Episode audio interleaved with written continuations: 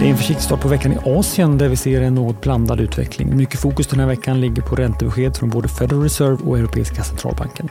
Stockholmsbörsen ser ut att öppna i sidled något uppåt och härifrån har vi fått optimistiska utsikter för bostadsmarknaden. Det är måndag den 12 juni. Du lyssnar på det i Morgonkoll och jag heter Alexander Klar.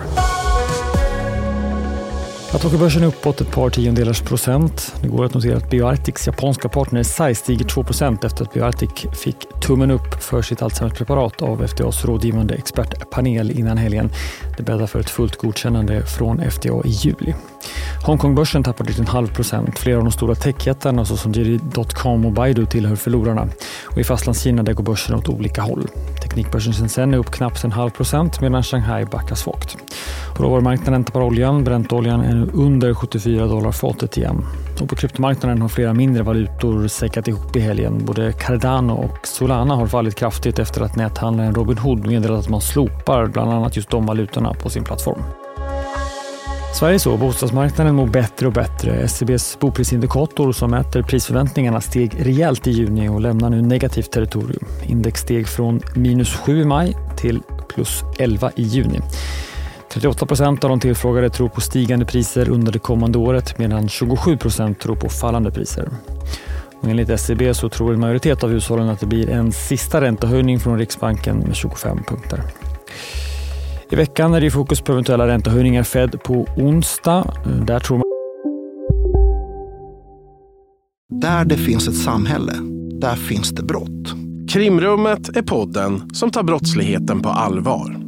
Jag bjuder in landets ledande experter och tar upp aktuella rättegångsfall för att begripliggöra den kriminalitet som kryper allt närmare. Du, alltså, du kan knäcka ett eller några gäng, men det kommer komma nya och så kan vi knäcka dem sen. Men att du ska knäcka allt forever, det kommer aldrig ske. Det är infinite gain. Lyssna på Krimrummet, en podd från Expressen med mig Kim Malmgren. Marknaden att centralbanken ligger still och behåller räntan i intervallet 5 till 5,25 procent men att Fed sen eventuellt gör en höjning med 25 punkter i juli. Vi ska komma ihåg att vi fick oväntade höjningar förra veckan av både Australien och Kanadas centralbanker. Samtidigt så fick vi stigande arbetslöshetsdata från USA som talar för att ekonomin nu märker räntehöjningarna. En väntad höjning kommer från ECB i veckan, troligtvis med 25 punkter och troligtvis blir det minst ytterligare en i sommar. Bland övriga svenska nyheter så har speltillverkaren Starbreeze äntligen får man säga meddelat att spelet Payday 3 kommer att släppas i september i år. Spelsläppet har varit en följetong och har kantats av utmaningar och det är nu mer än tio år sedan Payday 2 släpptes. SCT meddelade i helgen att man sålt sin ryska verksamhet. Redan i april så gjorde SCT en nedskrivning av bolagets tillgångar i Ryssland med cirka 1,7 miljarder kronor. Det är relativt tunt på dagens agenda. Vi får dansk inflation klockan åtta. Spännande att följa efter att vi fick norska beskedet i förra veckan som överraskade oss något. Dessutom kommer en del mindre mätningar. Restaurangindex från svenskt håll som ger en ögonblicksbild av hur servicenäringen mår och inflationsförväntningar från delstaten New York. Mer då senare i veckan med både svensk inflation och inflationsförväntningar. Dessutom flera räntebesked.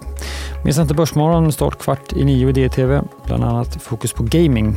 I studion hör ni bland annat Johan Wender från DIs analysredaktion. Eller lyssna på Börsmorgon som podd från klockan 11. Det Morgonkoll är tillbaka igen imorgon. Jag heter Alexander Klar.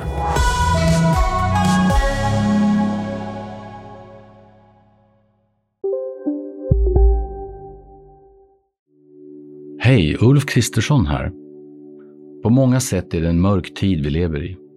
Men nu tar vi ett stort steg för att göra Sverige till en tryggare och säkrare plats. Sverige är nu medlem i Nato. En för alla, alla för en. Vi är specialister på det vi gör, precis som du. Därför försäkrar vi på Swedea bara småföretag, som ditt.